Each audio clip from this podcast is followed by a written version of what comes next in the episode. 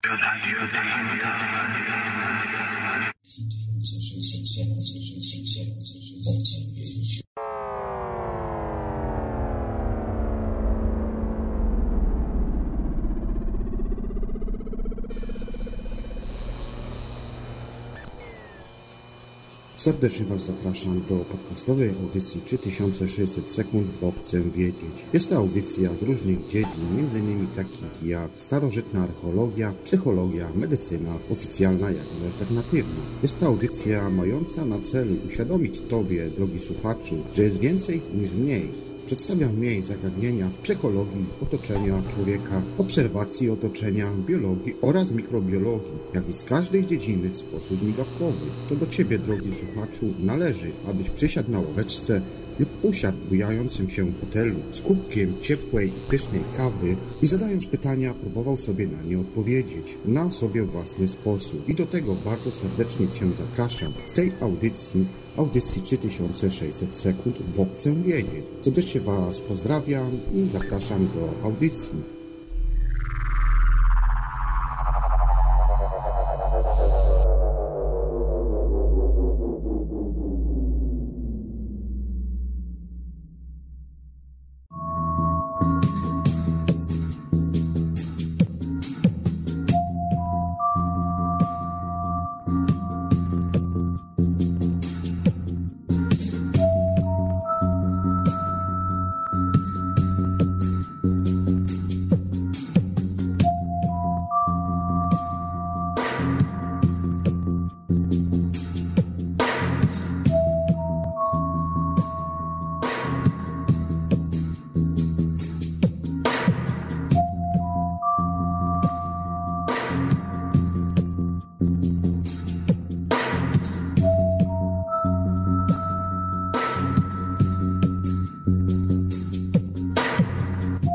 Witajcie bardzo gorąco i serdecznie, drodzy słuchacze audycji 3600 sekund, bo chcę wiedzieć.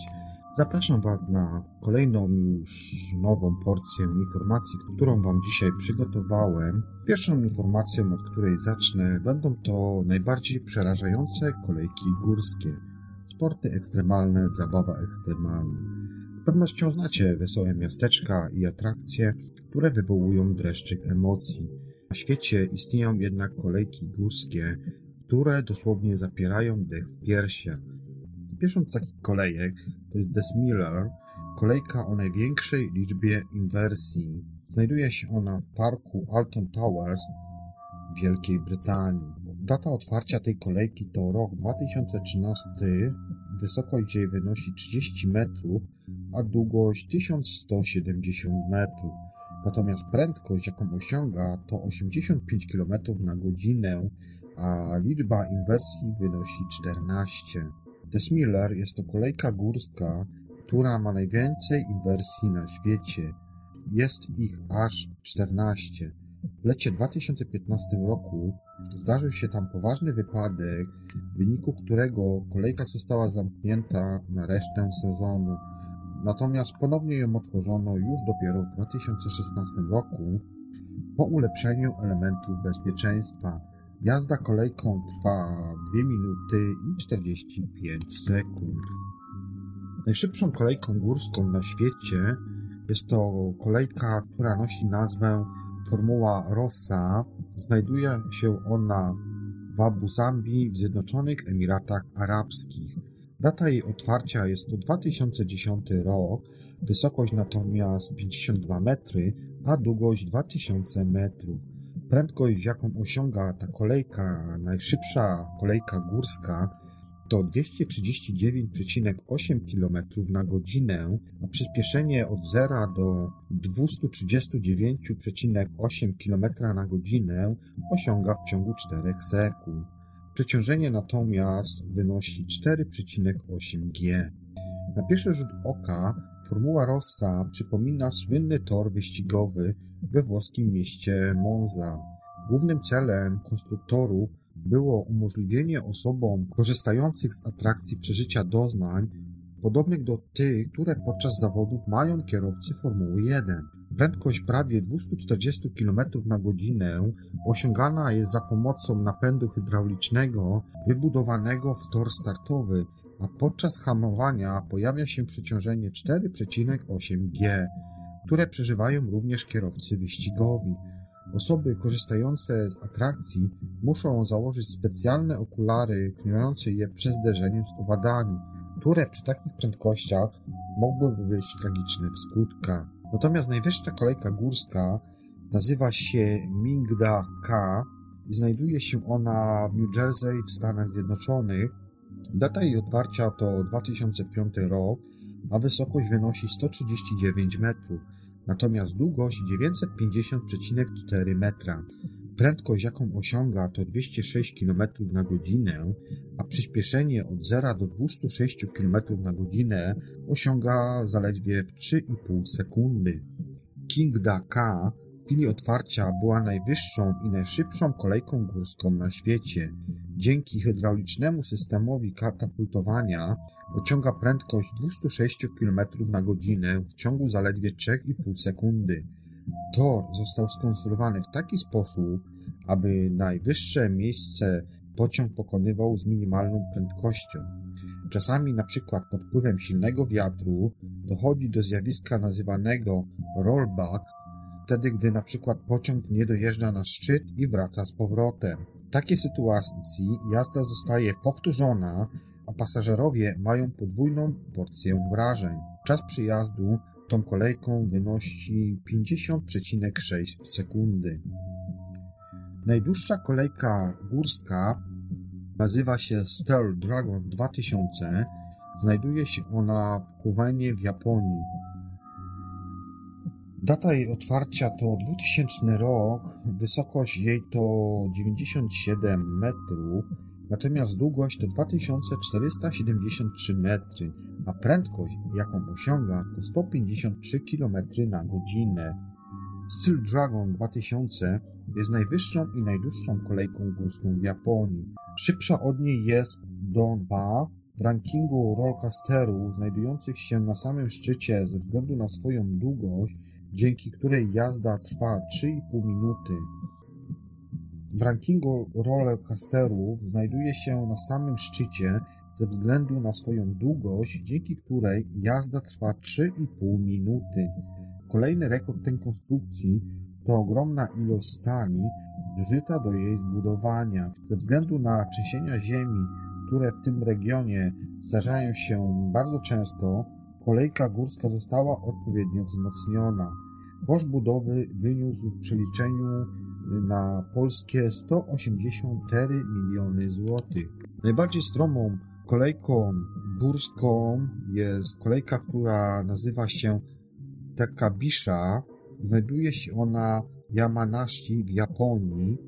Otwarta została w 2011 roku, natomiast wysokość jej to 43 metrów, długość 1000 metrów, a prędkość 100 km na godzinę. Przyspieszenie od 0 do 100 km na godzinę osiąga w 2 sekundy, natomiast kąt jej spadku to jest 121 stopni.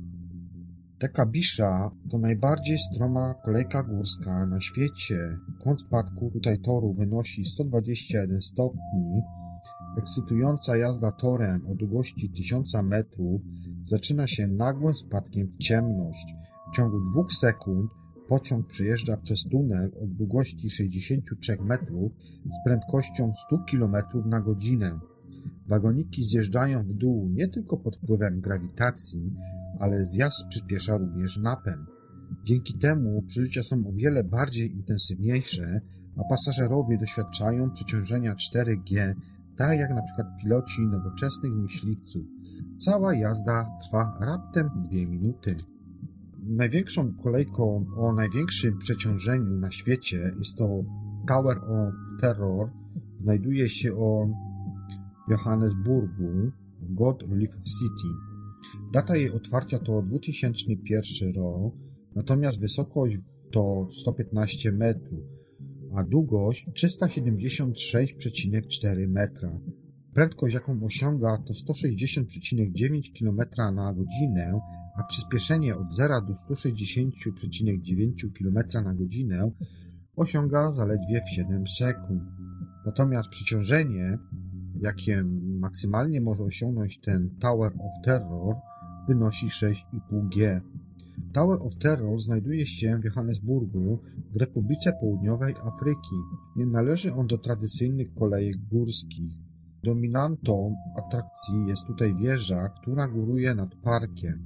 Pasażerowie wjeżdżają windą na górę, a później czeka ich stromy pionowy zjazd w dół, podczas którego muszą wytrzymać przeciążenie 6,5 G. Dla porównania, kosmonauci przy starciu rakiety doświadczają zaledwie przeciążenia 3G. Zaledwie użyłem tak w cudzysłowie oczywiście, żebyście mieli tutaj porównanie, jak to wygląda. Kolejką o największym przyspieszeniu na świecie jest to kolejka, o której wcześniej wspomniałem, do, do, do lupa. Taka dziwna nazwa. Znajduje się ona w Japonii, w Fujiyoshihida. Data otwarcia to 2001 rok, wysokość natomiast 49 metrów, a długość wynosi 1244 metry.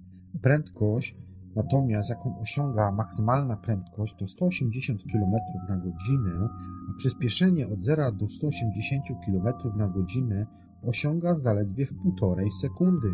Japońska Dodoponga należy do najszybszych kolejek górskich na świecie. Przyspieszenie od 0 do 180 km na godzinę osiąga zaledwie w 1,5 sekundy. Jej tor zalicza się stosunkowo do krótkich, liczy bowiem 1240 metrów, natomiast jazda trwa tylko 55 sekundy.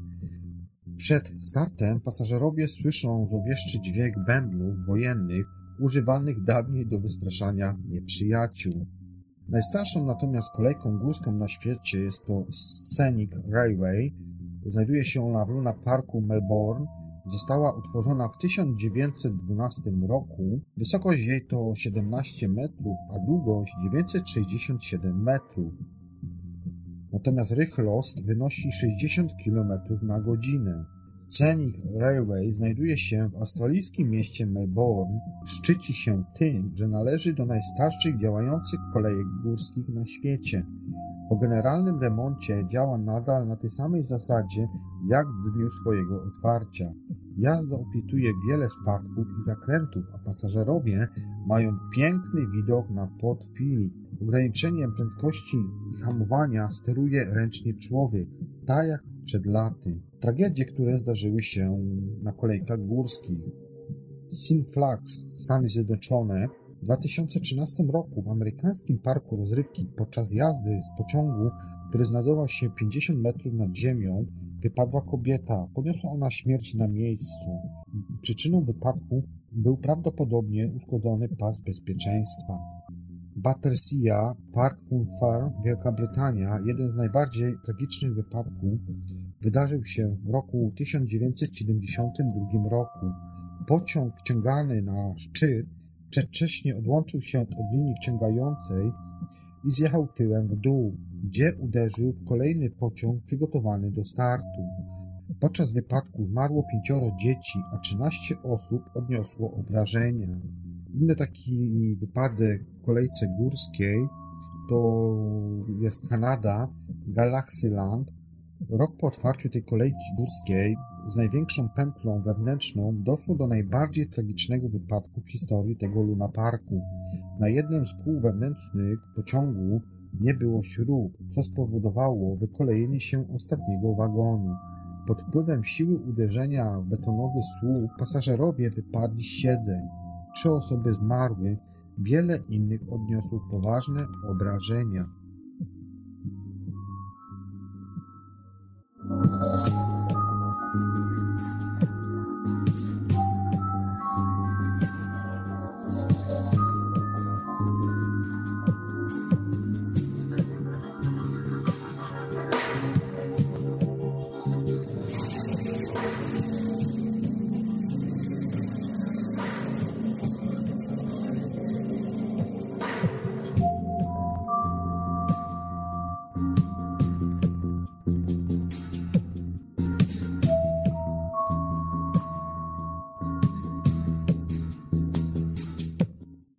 Efektywność, a zdrowie w pracy. Nowe technologie. Graficy, programiści, marketingowcy, publicyści, wszyscy oni spędzają codziennie długie godziny przed monitorem. Dlatego też wybór odpowiedniego ekranu jego właściwy kąt montażu w ich przypadku jest tutaj kwestią kluczową. Wciąż jeszcze jest wiele osób, którzy nie zdają sobie sprawy, jak ważne dla naszego zdrowia jest odpowiednie montowanie monitora, dobranie stosownej wysokości fotela i biurka, a także jak powinna wyglądać optymalna, ergonomiczna pozycja ciała podczas pracy. Nic więc dziwnego, że ból pleców jest to zjawisko, które towarzyszy dziś wielu z nas. Ogromną rolę odgrywa również odpowiednie oświetlenie, a więc światło powinno być rozłożone tak, aby z jednej strony nie raziło użytkownika, a z drugiej, by na blacie nie było wyraźnie niedoświetlonych miejsc. Ważnym czynnikiem jest również odpowiednia odległość monitora od użytkownika, która zależy od przekątnej matrycy oraz rozdzielczości ekranu. Najbardziej uniwersalnym i zapewniającym komfort większości zastosowań rozwiązaniem są obecnie ekrany o przekątnej 24 i 27 cali o rozdzielczości od 1080p w górę. W ich przypadku odległość pomiędzy oczami użytkownika a urządzeniem powinna być nie mniejsza niż 60 cm. Podstawa monitora powinna być przede wszystkim stabilna. Istotną funkcją jest również wygoda regulacji y, wysokości oraz pochylenia ekranu. Alternatywą jest również skorzystanie z dobrodziejstw, takie jakie napewnie się powszechnie stosowanie standardowego mocowania WESA, pozwalającego na zamontowanie ekranu na ścianie lub blatu biurka przy użyciu specjalnych uchwytów. Uchwyty mogą być pojedyncze lub podwójne. Dzięki możliwościom zamocowania dwóch monitorów wygodniej będzie nam na przykład pracować z kilkoma aplikacjami jednocześnie. Profesjonalni graficy, a także osoby spędzające dużo czasu przy edycji tekstu powinny również zainteresować się funkcją pivot, Dzięki niej w dowolnej chwili obrócimy matrycę o 90 stopni w pionie i uzyskamy powierzchnię roboczą bardziej dostosowaną do pracy z tekstem lub na przykład programiem Photoshop. Wraz z odejściem od lamusa ekranów CRT i z popularyzowaniem się technologii LCD, nasze oczy mogły nieco odpocząć od całego zestawu uciągliwych cech klasycznych katodowych monitorów, czyli np. migotania wynikającego z niskiego współczynnika odświeżania i intensywnego oświecenia ekranu prosto w oczy użytkownika. Warto jednak też pamiętać, że również panele LCD nie są doskonałe, należy więc też świadomie wybierać urządzenia o możliwie najmniejszym wpływie na kondycję oczu. Godnymi zainteresowania funkcjami są np. Flicker Free, który praktycznie eliminuje migotanie ekranu, czy też redukcja emisji niebieskiego światła, bowiem zbyt długie narażenie się na jego działanie skutkuje nieprzyjemnym uczuciem suchości i pieczenia oczu. Może też być przyczyną zmian zwyrodnieniowych siatkówki i plamki żółtej. Współczesne monitory mogą pracować w wielu trybach, dopasowując kontrast, nasycenie barw oraz jasność do indywidualnych potrzeb. Posiadają wbudowane profile użytkownika, przygotowane już z myślą o komfortowej edycji tekstu czy oglądaniu filmu. Warto też pamiętać o pewnych uniwersalnych zasadach, przykład im ciemniejszy pokój, tym bardziej musimy zmniejszyć jasność matrycy w trosce o nasz wzrok. Korzystając z monitora, pamiętajmy, aby pracować z użyciem jego natywnej rozdzielczości przy jak najwyższym dostępnym odświeżaniu. To także pozytywnie wpływa na czytelność obrazu oraz komfort pracy. Najpopularniejszym standardem obecnie jest Full HD przy odświeżaniu urzędu od 60 do 75 Hz. Współczesne jednak matryce potrafią znacznie więcej, dlatego w przypadku monitorów o przekątnej 27 cali na popularności zyskuje standard WQKD, czyli 2560 na 1440 Dzięki niemu utrzymujemy znacznie więcej przestrzeni roboczej, co wymiernie przekłada się na komfort całej naszej pracy.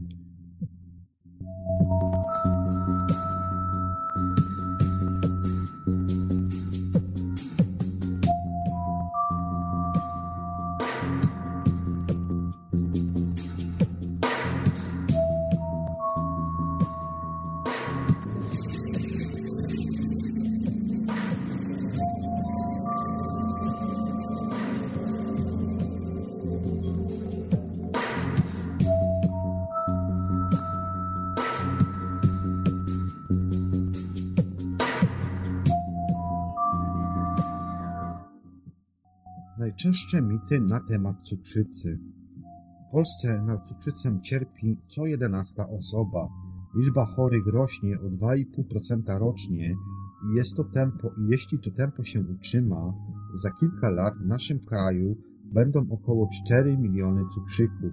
Pomimo tego, że choroba ta nazywana jest niezakaźną epidemią i szerzy się w zastraszającym tempie, wiele osób nadal myśli, że cukrzyca jest to choroba, która dotyka głównie starsze osoby i powstaje w wyniku nadmiernego spożycia cukru. To jest oczywiście błąd.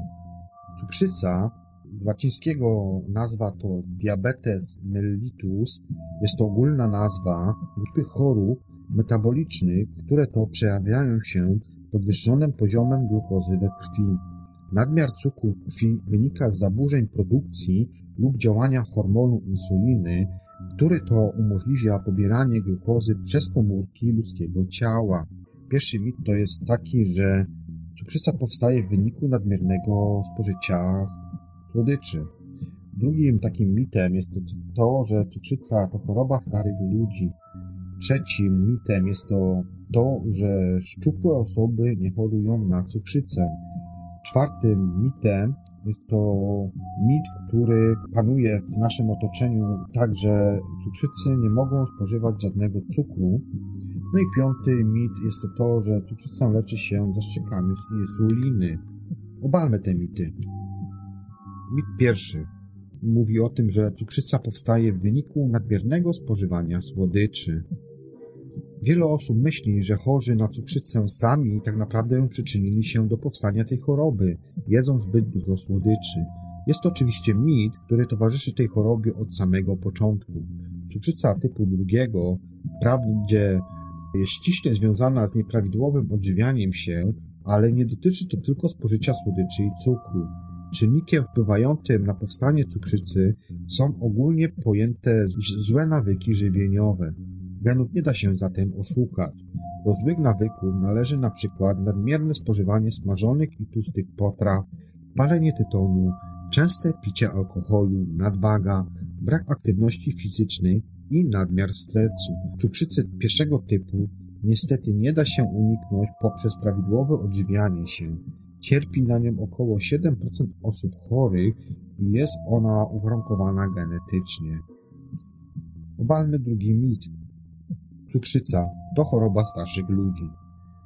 Prawda jest, że cukrzyca typu drugiego częściej dotyka starszych osób, ale nie można też powiedzieć, że nie może na nią zachorować również młody człowiek lub też dziecko.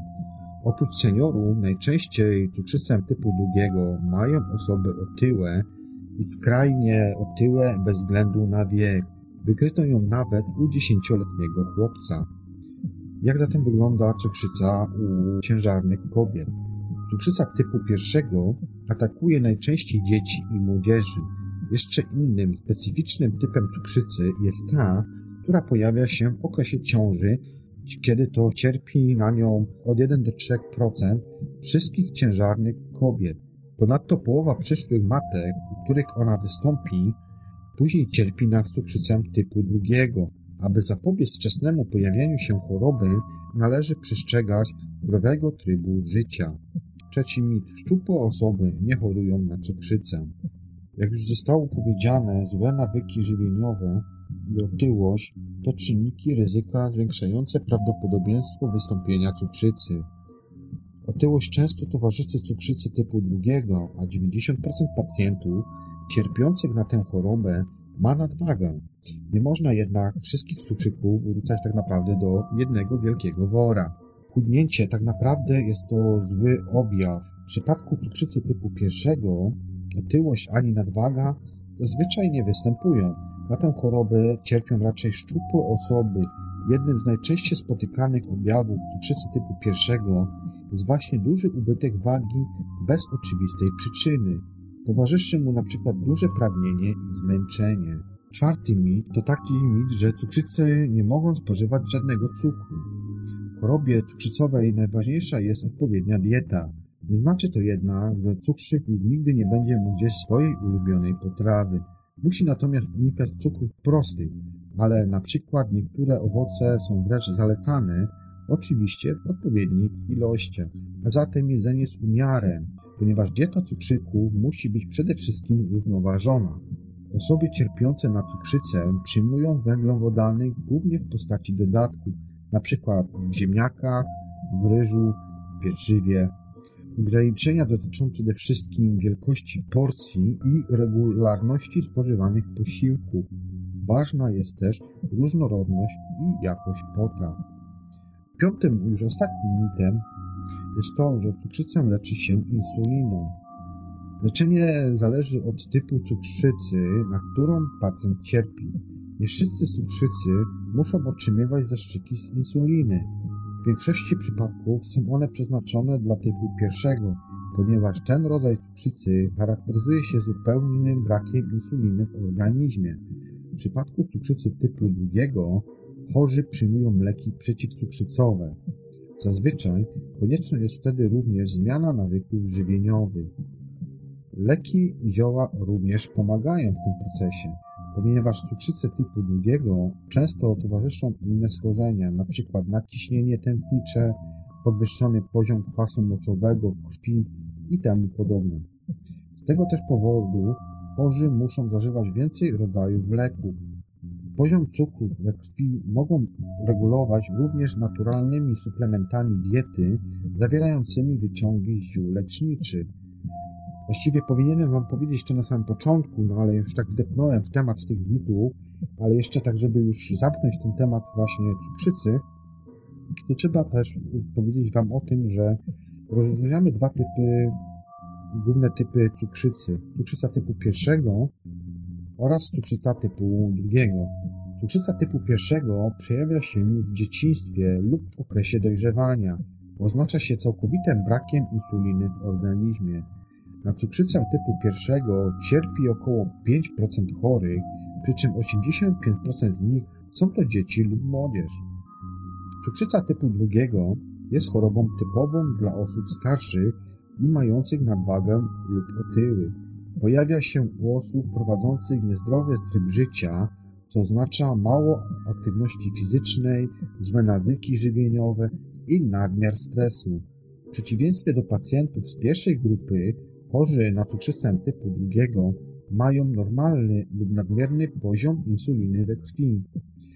Istnieją oczywiście inne typy cukrzycy, poza typem pierwszym i typem drugim, które obejmują około, właściwie ponad 90% chorych, pozostałe przypadki to cukrzyca ciężarnych kobiet pojawiająca się w okresie ciąży. Cukrzyce monogenowe, będące wynikiem odziedziczonej mutacji genetycznej, cukrzyce polewkowe oraz powiązane z innymi schorzeniami, np. zespołem Downa.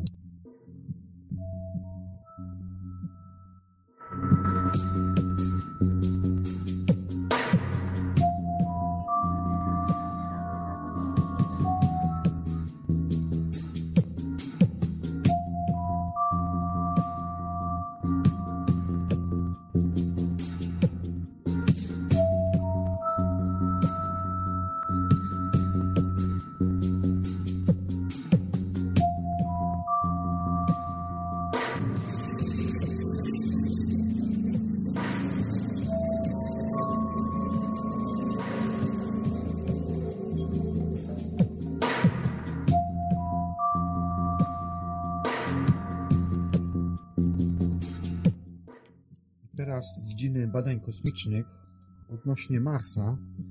Pewnie Was to szokuje, no ale świat jest dynamiczny, zmienny, a pomysłów jest tyle, ile jest ludzi na tym świecie. Kosmonauci na Marsie będą mieć narzędzia wykonane z ludzkiego moczu. Dosłownie, wyobraźcie sobie, że lecicie na Marsa, a podczas opuszczania statku kosmicznego przypadkowo bezpowrotnie stracicie istotne narzędzie, które naprawdę potrzebujecie. Co wtedy w takiej sytuacji byście zrobili?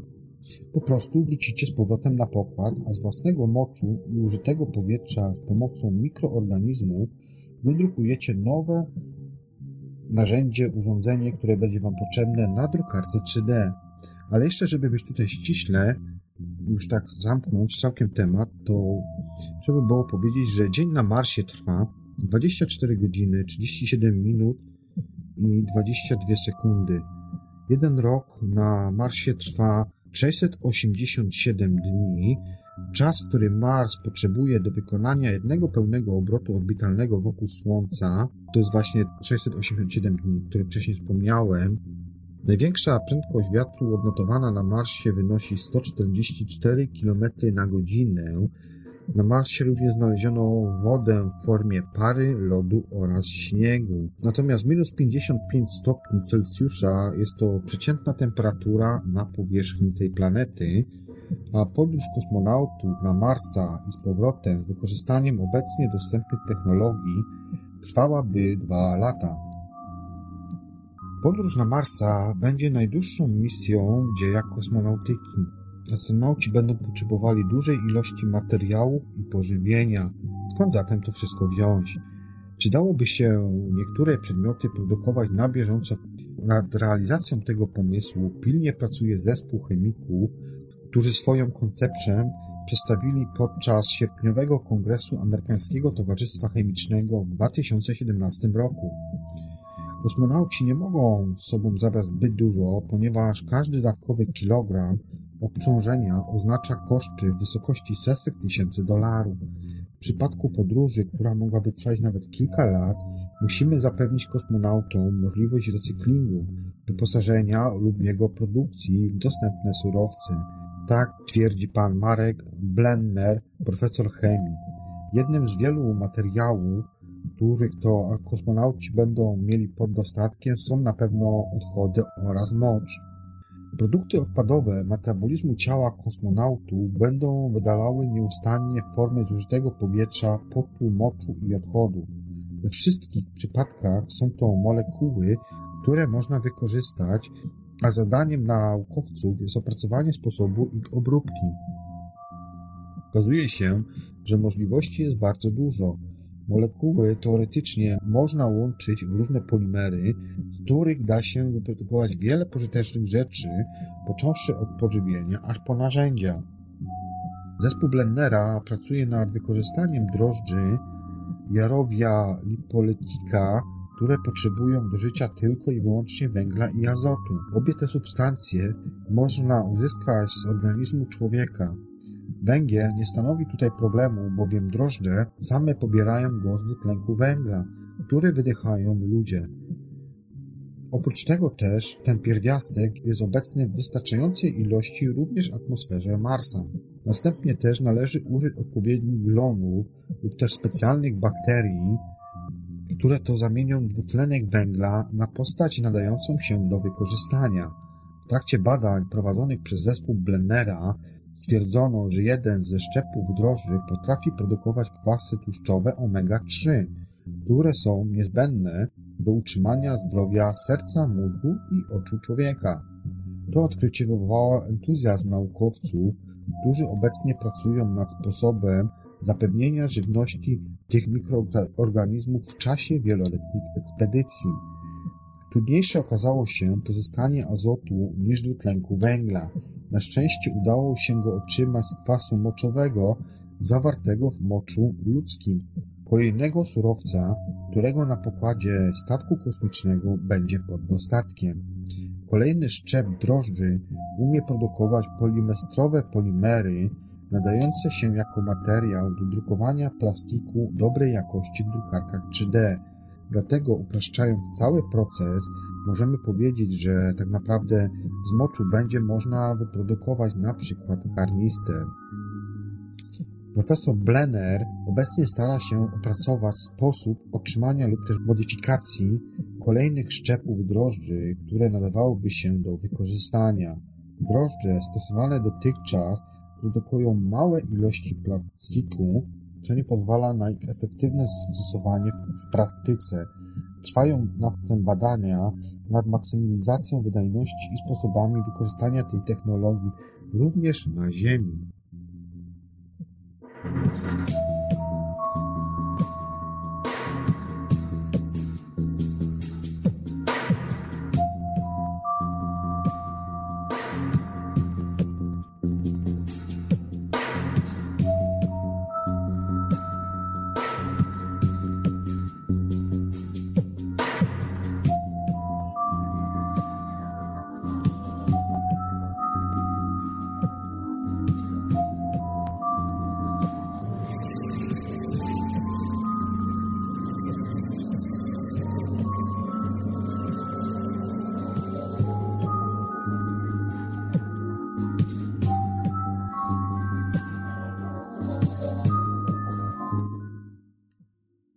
Przeraźliwie zimno w kosmosie, fascynujący świat kosmosu. Zimno i gorąco, tak jak je odczuwamy my w kosmosie, traci na znaczeniu. Różnica kilkudziesięciu stopni jest tam właściwie niezauważalna. Zakres temperatur jest więc wprost olbrzymi, bowiem najwyższa dochodzi do 250 tysięcy stopni Celsjusza, a najniższa wynosi minus 272 stopni Celsjusza. Brązowy karzeł to coś w rodzaju nieudanej gwiazdy. Jego życie zaczyna się, podobnie jak u gwiazd, w wyniku kolapsu obłoku molekularnego, ale nie ma też wystarczającej masy, by mogły w nim zachodzić reakcje termojądrowe. Niedawno odkryty brązowy karzeł nazwany Disse J085510.83 kreska 071442.5 jest najchłodniejszym, którego dotychczas znaleziono. Temperatura bowiem jego powierzchni wynosi od minus 48 stopni Celsjusza do minus 13 stopni Celsjusza. Jest też jednym z obiektów gwiazdopodobnych położonych najbliżej Układu Słonecznego, a odległość od Słońca wynosi zaledwie 7,2 roku świetlnego. Trudno jednak też w to uwierzyć, ale na samym początku lutego 1933 roku w wiosce Ojmjakon w Jakucji na terenie Rosji zmierzono temperaturę minus 67,8 stopni Celsjusza. Wioska dzięki temu zyskała miano najchłodniejszego zamieszkałego miejsca na świecie, a temperatura jej poniżej zera panują tam również w lecie. 143 stopnie Celsjusza tyle wynosi najniższa temperatura zmierzona w atmosferze ziemskiej na wysokości 80 do 90 km nad powierzchnią planety, czyli w rejonie tzw. Tak mezopauzy. Minus 175,7 stopnia Celsjusza średnio o tyle stopni jest chłodniej w kosmosie niż w najchłodniejszym miejscu na Ziemi. Nowe najchłodniejsze miejsce na Ziemi naukowcy odkryli w 2013 roku. Znajduje się on na płaskowyżu antarktycznym. Eksperci odkryli tam szczeliny wewnątrz lodowej pokrywy, w której gromadzi się nieruchome powietrze. 10 sierpnia 2010 roku jego temperatura spadła do minus 94,7 stopni Celsjusza. Minus 89,2 stopnie Celsjusza od 1983 roku uważano za najniższą temperaturę zmierzoną na Ziemi. Stacja polarna Woodstock na Antarktydzie, gdzie dokonano pomiaru, stała się najchłodniejszym miejscem na Ziemi. Pierwszeństwo pod tym względem utrzymała do 2010 roku. Atmosferę Plutona tworzy cienka warstwa azotu z niską zawartością metanu i dwutlenku węgla. Otacza tę karłowatą planetę do wysokości około 60 km. Naukowcy uważają, że im bardziej Pluton oddala się od Słońca, tym intensywniej zamarznięte gazy atmosferyczne odkładają się na powierzchni. Po zbliżeniu się do Słońca temperatura powierzchni wzrasta, a zamarznięty materiał sublimuje, czyli przechodzi bezpośrednio od postaci stałej w gazową. Dzięki temu następuje zjawisko odwrotne niż na Ziemi, a powierzchnia planety się schładza, osiągając minus 230 stopni Celsjusza. Zero absolutne, najniższa fizyczna osiągalna temperatura, którą zanika ruch cząsteczek, jest to temperatura wynosząca minus 273,15 stopni Celsjusza. Minus 270,4 stopnia Celsjusza jest to ta wartość, która odpowiada przeciętnej temperaturze w kosmosie. Tyle bowiem wynosi temperatura tzw. Tak promieniowania reliktowego odkrytego w 1965 roku i które to prawdopodobnie pochodzi z okresu około 400 tysięcy lat po powstaniu Wszechświata. Najchłodniejsze miejsce w Układzie Słonecznym znajduje się na Księżycu. Wysokie ściany nie pozwalają Słońcu ograć dna krateru niedaleko bieguna południowego, pozostającego w wiecznym cieniu. Panuje tam stała temperatura minus 240 stopni Celsjusza. Najchłodniejsze miejsce w kosmosie to mgławica Boomera, która znajduje się w odległości około 5000 lat świetlnych od Ziemi. Na niebie można ją zobaczyć w gwiazdozbiorze Cantaura. Temperatura wynosi tam minus 272 stopni Celsjusza, czyli tylko 1 stopień powyżej zera absolutnego. Najniższa temperatura w Polsce została zanotowana w 1940 roku w Siedlcach i wynosiła minus 41 stopni Celsjusza. Za najgorętsze miejsce na Ziemi od 2005 roku uważana jest pustynia Lud w Iranie, gdzie zmierzono temperaturę powyżej 70 stopni Celsjusza. Najgorętszą planetą Układu Słonecznego jest Wenus. Temperatura na jej powierzchni wynosi około 480 stopni Celsjusza. Najciemniejszym obiektem w kosmosie jest biały karzeł o nazwie RxJ04 39.8 kreska 6809. Na jego powierzchni panuje temperatura 250 tysięcy stopni Celsjusza. Biały karzeł to obiekt astronomiczny powstający z gwiazdy o małej masie po ustaniu reakcji jądrowej. Najwyższa temperatura w zamieszkałym miejscu została zmierzona w libijskim mieście Al-Aziliya w 1922 roku. Było to 57,8 stopnia Celsjusza, natomiast polski rekord wynosi 40,2 stopni Celsjusza. Taką bowiem temperaturę pokazały termometry 29 lipca 1921 roku w okolicy Pruszkowa niedaleko Opola.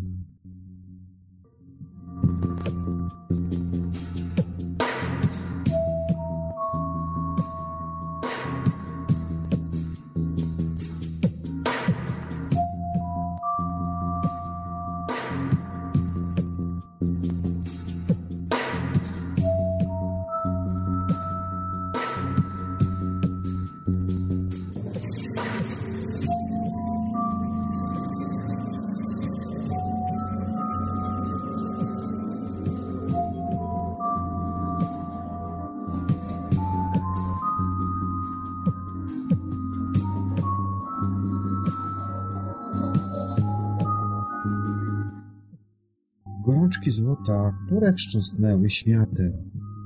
Gorączka złota nad rzeką Klondike na Alasce uważana jest za jedną z największych masowych migracji w poszukiwaniu złota, jaka odegrała się w dziejach ludzkości.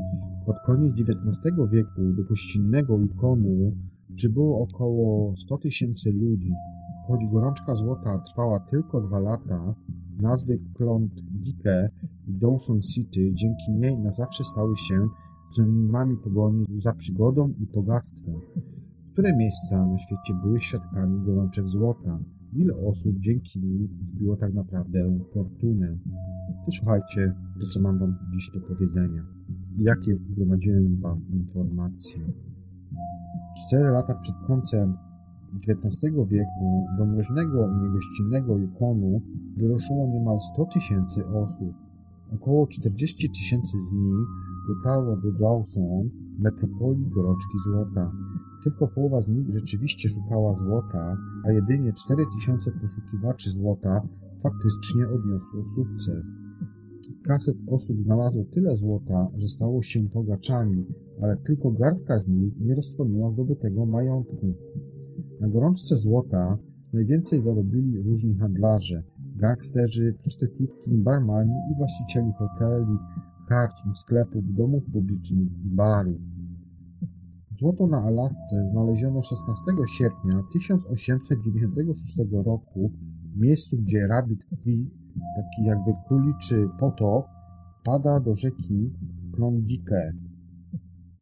Były tam duże ilości szlachetnego metalu, że poszukiwacze złota zmienili nazwę potoku Rabbit Creek na Bonanza Creek.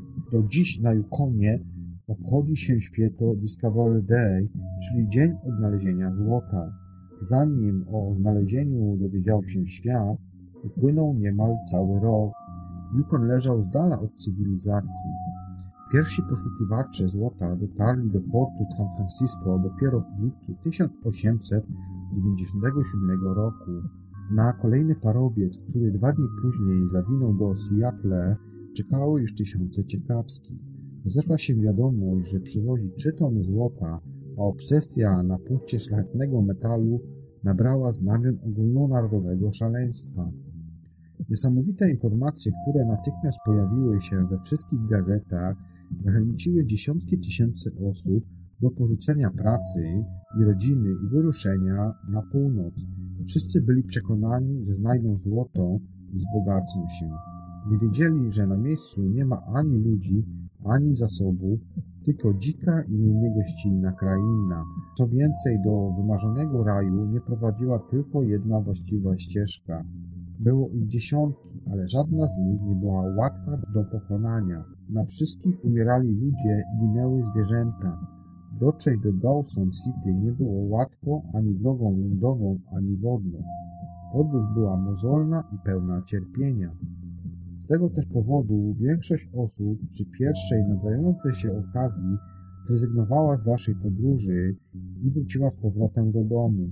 Nie poddali się tylko najwytrwalsi i najsilniejsi. Najbardziej znana ścieżka przez przełęcz Chilcot zaczynała się w mieście Dia. Wkrótce stało się oczywiste, że większość poszukiwaczy złota, którzy wędrowali tamtędy na północ, nie może przeżyć w skrajnie nieprzyjaznych warunkach w Yukonie. Z tego też powodu kanadyjska policja wymagała od każdego podróżnika, aby miał ze sobą tonę żywności, czyli zapasy na jeden rok. Ci, którzy nie spełniali warunku, nie mogli wędrować dalej. Końcowy odcinek przełęczy Chilcot, czyli Złote Schody, to podejście pod kątem 45 stopni o długości 1 km. Poszukiwacze złota musieli po nich przejść mniej więcej 40 razy, by przenieść wszystkie zapasy. Każdy, kto pokonał ten morderczy odcinek, doszedł do jeziora Benneta, gdzie musiał przeczekać zimę w obozie namiotowym. Na wiosnę 1898 roku z tego miejsca wyruszyła flotylla licząca ponad 7 tysięcy trat, które podczas zimy wykonali sami poszukiwacze złota. Czekało jeszcze 700 kilometrów podróży po wodzie. Dopiero potem dotarli oni do Dawson City, gdzie miał się spełnić ich sen o złocie. Po wyczerpaniu podróży, która wielu poszukiwaczy złota kosztowała zdrowie, tylko nieliczni znaleźli złoto, którego tak naprawdę pragnęli. Od okrycia złóż na Bonanza Creek upłynęło już dwa lata, a większość parceli była zajęty. Dla tych, którzy opuścili rodzinę, porzucili pracę wyruszyli zdobywać majątek, nie zostało prawie nic. Stan Kalifornia nazwany jest Złotym Stanem właśnie dlatego, że na jego terenie 24 stycznia 1848 roku znaleziono złoto. Tego pamiętnego dnia James Marshall odkrył początek żyły złota, która, jak się później okazała, miała 193 km długości. Marshall był cieśnią tartaku Johna Sattlera w górach Sierra Nevada. Sattler początkowo też starał się znalezisko swojego pracownika trzymać w tajemnicy, ale wieść o złotej żyle wkrótce rozniosła się już w 1849 roku do doliny rzeki Sacramento przyszło 80 tysięcy poszukiwaczy złota. Do 1855 roku w związku z gorączką złota do Kalifornii przybyło około 300 tysięcy ludzi. Liczba mieszkańców Kalifornii o nieindiańskim pochodzeniu wzrosła z 14 tysięcy w 1848 roku do 223 tysięcy w 1852 roku. Dzięki temu kalifornijska gorączka złota przyczyniła się do szybszego osiedlenia USA. Początkowo złota było tyle, że grudki można było zbierać na ziemi. Później pozyskiwano szlachetny kruszec z rzek i potoków poprzez wypłukiwanie. W ciągu pierwszych pięciu lat gorączki złota wydobyto aż 370 ton złota. Obecnie jego cena wynosiłaby w przeliczeniu około 60 miliardów złotych. W południowej Walii odkryto złoto już w 1823 roku, jednak nie było ono wydobywane na dużą skalę. W W 1851 roku było w tym miejscu już około 100 poszukiwaczy złota. Kilka miesięcy później pracowało tam 2000 osób, a kolejne tysiące płynęły do Australii na statkach. W ciągu 10 lat stania pogorączki złota populacja Nowej Południowej Walii wzrosła z 200 do 357 tysięcy osób. Podczas pierwszych dwóch lat znaleziono 24 tony złota. W 1872 roku wszystkie poprzednie odkrycia zaćmiło znalezienie samorodka o wadze 286 kg i rozmiarach dorosłego mężczyzny. Nazwano go imieniem znalazcy Holtermana Nugeta. Złota gorączka w australijskim stanie Victoria zaczęła się w 1851 roku i trwała tylko 10 lat. Wydobyto tam 2000 ton złota. W tym też czasie Melbourne, będąca małą osadą, zmieniła się w miasto tętniące życie. W 1835 roku nie było w nich żadnych białych osadników, a 20 lat później mieszkało w nim 120 tysięcy osób. Wiza szybkiego wzbogacenia się przyciągnęła poszukiwaczy złota z całego świata, co przyczyniło się do wzrostu liczebności wówczas jeszcze niewielkiej populacji. Masowo przybyli zwłaszcza Chińczycy. Biali starali się temu zapobiec, wydając szereg dyskryminacyjnych ustaw. Dziesięć miasteczek na południe od Melbourne zmieniło się w potężne slumsy. Namioty stały się domem dla tysięcy ludzi z całego świata. Poszukiwacze złota, zapomnienia o trudnych warunkach życia, szukali w alkoholu. Prostytucja była zjawiskiem nagminnym. Profesjonalne damy do towarzystwa również były swego rodzaju poszukiwaczami złota a właściwie poszukiwaczkami złota, w Australii zarabiały czterokrotnie więcej niż w Europie i Stanach Zjednoczonych. Na pustyni niezamieszkałych terenach były problemy z dostawami wody. Ludzie umierali nie tylko z pragnienia, ale również z powodu chorób oraz brudu. Po kilkudziesięciu latach gorączki złota wydobycie krustu wstrzymano. W okresie 1851 a 1860 Pozyskano 683 tony złota, co umożliwiło brytyjskiemu imperium spłatę długów zagranicznych. W styczniu 1897 roku w Dawson City było pięć drewnianych chat i małe miasteczko namiotowe. Na wiosnę miało miasto już 1400 mieszkańców. W lipcu 1897 roku Harry Ask otworzył nową karczmę. Ciągu pierwszej nocy zarobił 30 tysięcy dolarów, a w każdą kolejną noc 3 tysiące dolarów. Po trzech miesiącach wyjeżdżał z Dawson mając 100 tysięcy dolarów. Największa fala poszukiwaczy złota dotarła dopiero w następnym roku, kiedy przybyli ludzie z przystani Skagway i Gia. Ceny parcel w mieście wzrosły kilkukrotnie. W lecie natomiast 1898 roku Dawson City było największym miastem w Ameryce Północnej na zachód od Winnipegu i na północ od San Francisco. Dziś miasto ma jedynie 1327 mieszkańców.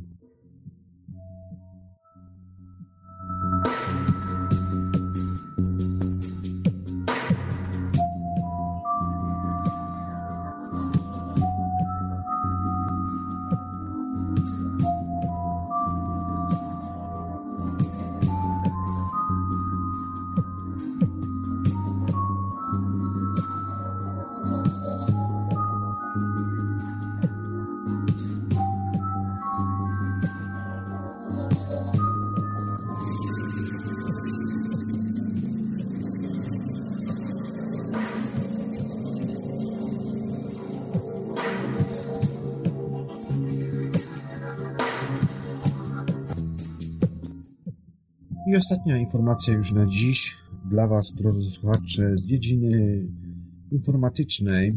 Najsłynniejsi hakerzy świata. Najsłynniejsi hakerzy świata zaczynali tak naprawdę swoją działalność już w dzieciństwie. Skąd się tak naprawdę wzięli i czego chcą? Potrafią wykorzystać każdą dziurę w systemie informatycznym, są inteligentni i uwielbiają prowokować. Hakerzy wzbudzają obawy, ale również i respekt. Skąd się zatem wzięli i tak naprawdę czego chcą? Istnieją tak długo jak komputer. Słowo hack powstał na przełomie lat 50. i 60. XX wieku. Wtedy używano tzw. Tak komputerów MyFrame, a o dostęp do nich programiści musieli rywalizować. Najlepsze programy, które utrzały system operacyjny, nazywano HAC. Nazwa hacker, mająca negatywny wydźwięk, powstała w latach 80. i dotyczyła osób, które to wykorzystywały swoje umiejętności do nielegalnego pozyskiwania danych lub kradzieży pieniędzy. Prawidłowo powinni oni być nazywani kraskerami. Pierwszy atak hakerski odbył się w 1878 roku, a jego celem była sieć telefoniczna Nowego Jorku. W 1888 roku wypuścił wirusa taki gość jak Robert Morris, który zainfekował jedną dziesiątą ówczesnych komputerów. W 1975 roku Steve Woźniak i Steve Jobs zaczęli produkować i sprzedawać tzw. Tak niebieskie pudełka, tzw. Tak z angielskiego blueboxy, które umożliwiały korzystanie z telefonu za darmo. Najbardziej znana grupa aktywistów internetowych, która przeprowadziła kilka ataków na serwery np. FBI i Białego Domu, była to grupa Anonymous. W 2015 roku wypowiedzieli oni wojnę państwu islamskiemu. Kim Schmitz alias.com urodził się 21 stycznia 1974 roku w Kilonii w Niemczech jest on przedsiębiorcą internetowym, mega oploadem. Atakuje m.in. NASA, FBI, CIA, Pentagon i Citibank. Tu jest oczywiście, tak jak powiedziałem, najsłynniejsi hakerzy świata na samym początku informacji, którą wam teraz udzielam. Tak naprawdę zarabiał już on jako dziecko, ponieważ niemiecko-fiński przedsiębiorstwa internetowy stał się hakerem już jako dziewięciolatek, kiedy udało mu się tak naprawdę złamać zabezpieczenia najróżniejszych gier Uzyskane informacje sprzedawał kolegom za niewielkie pieniądze. W wieku 15 lat oferował on dostęp do schakowanych gier na całym świecie. W tym samym też okresie złamał zabezpieczenia amerykańskich Kelly Cards. Przy ich pomocy na przykład dzwonił na założone przez siebie Targ Lines, inkasując ogromne sumy pieniędzy.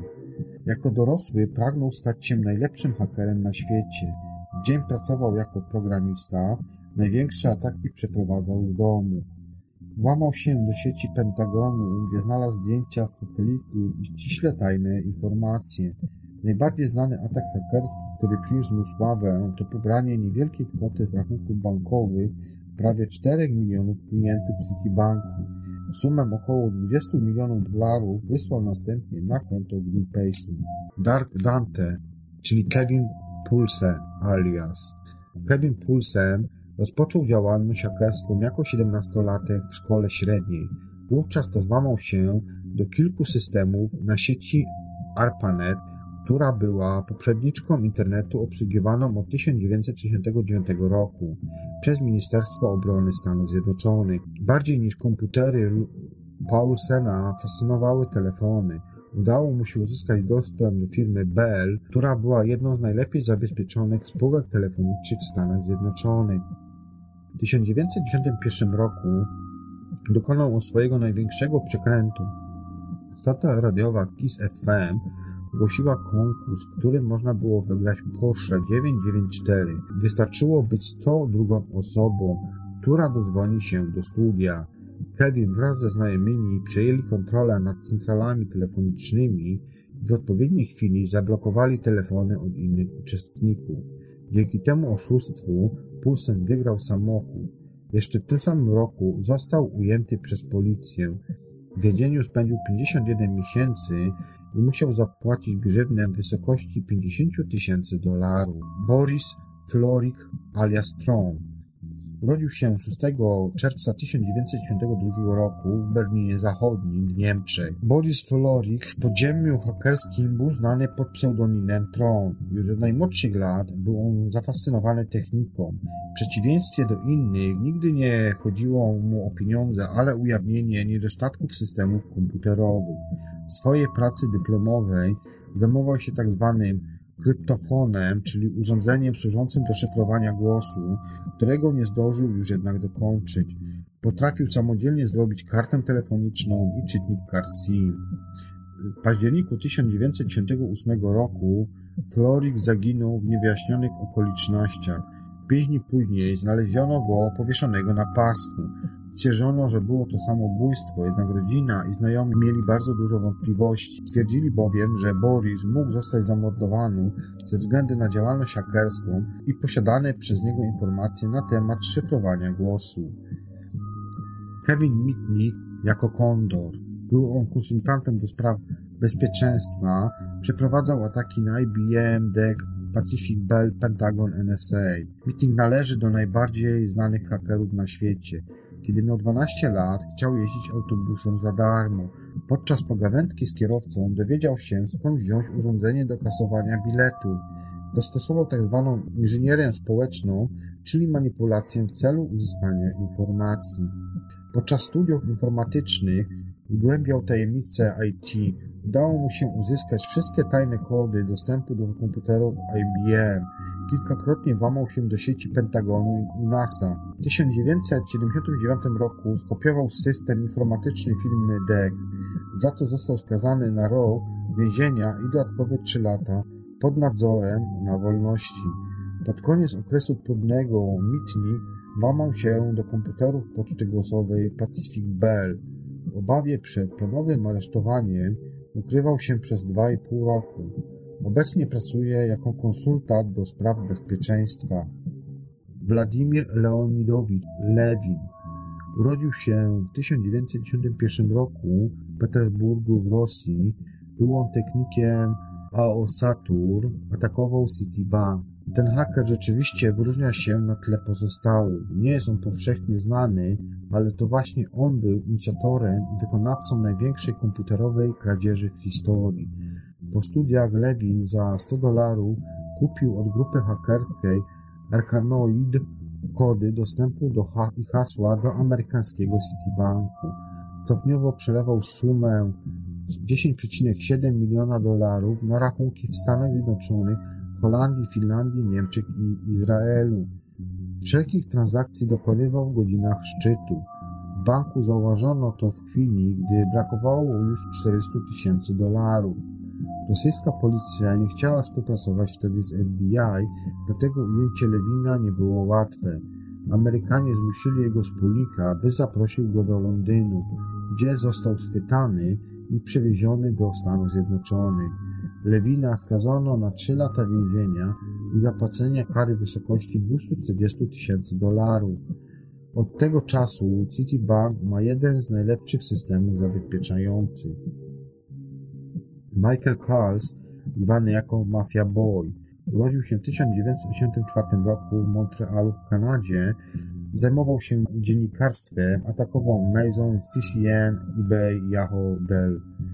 Malibor w okresie dojrzewania spędzał dużo czasu na czatach internetowych.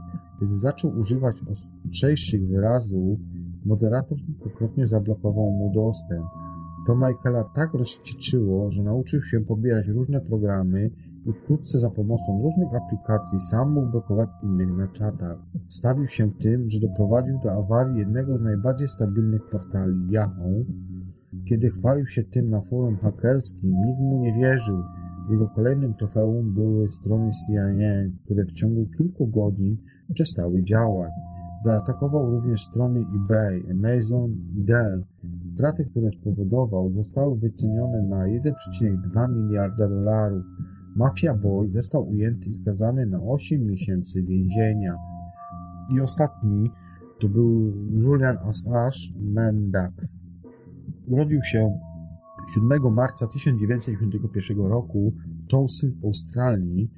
Redaktor naczelny Wikileaks atakował rząd USA a szkody to było ujawnienie ściśle tajnych dokumentów.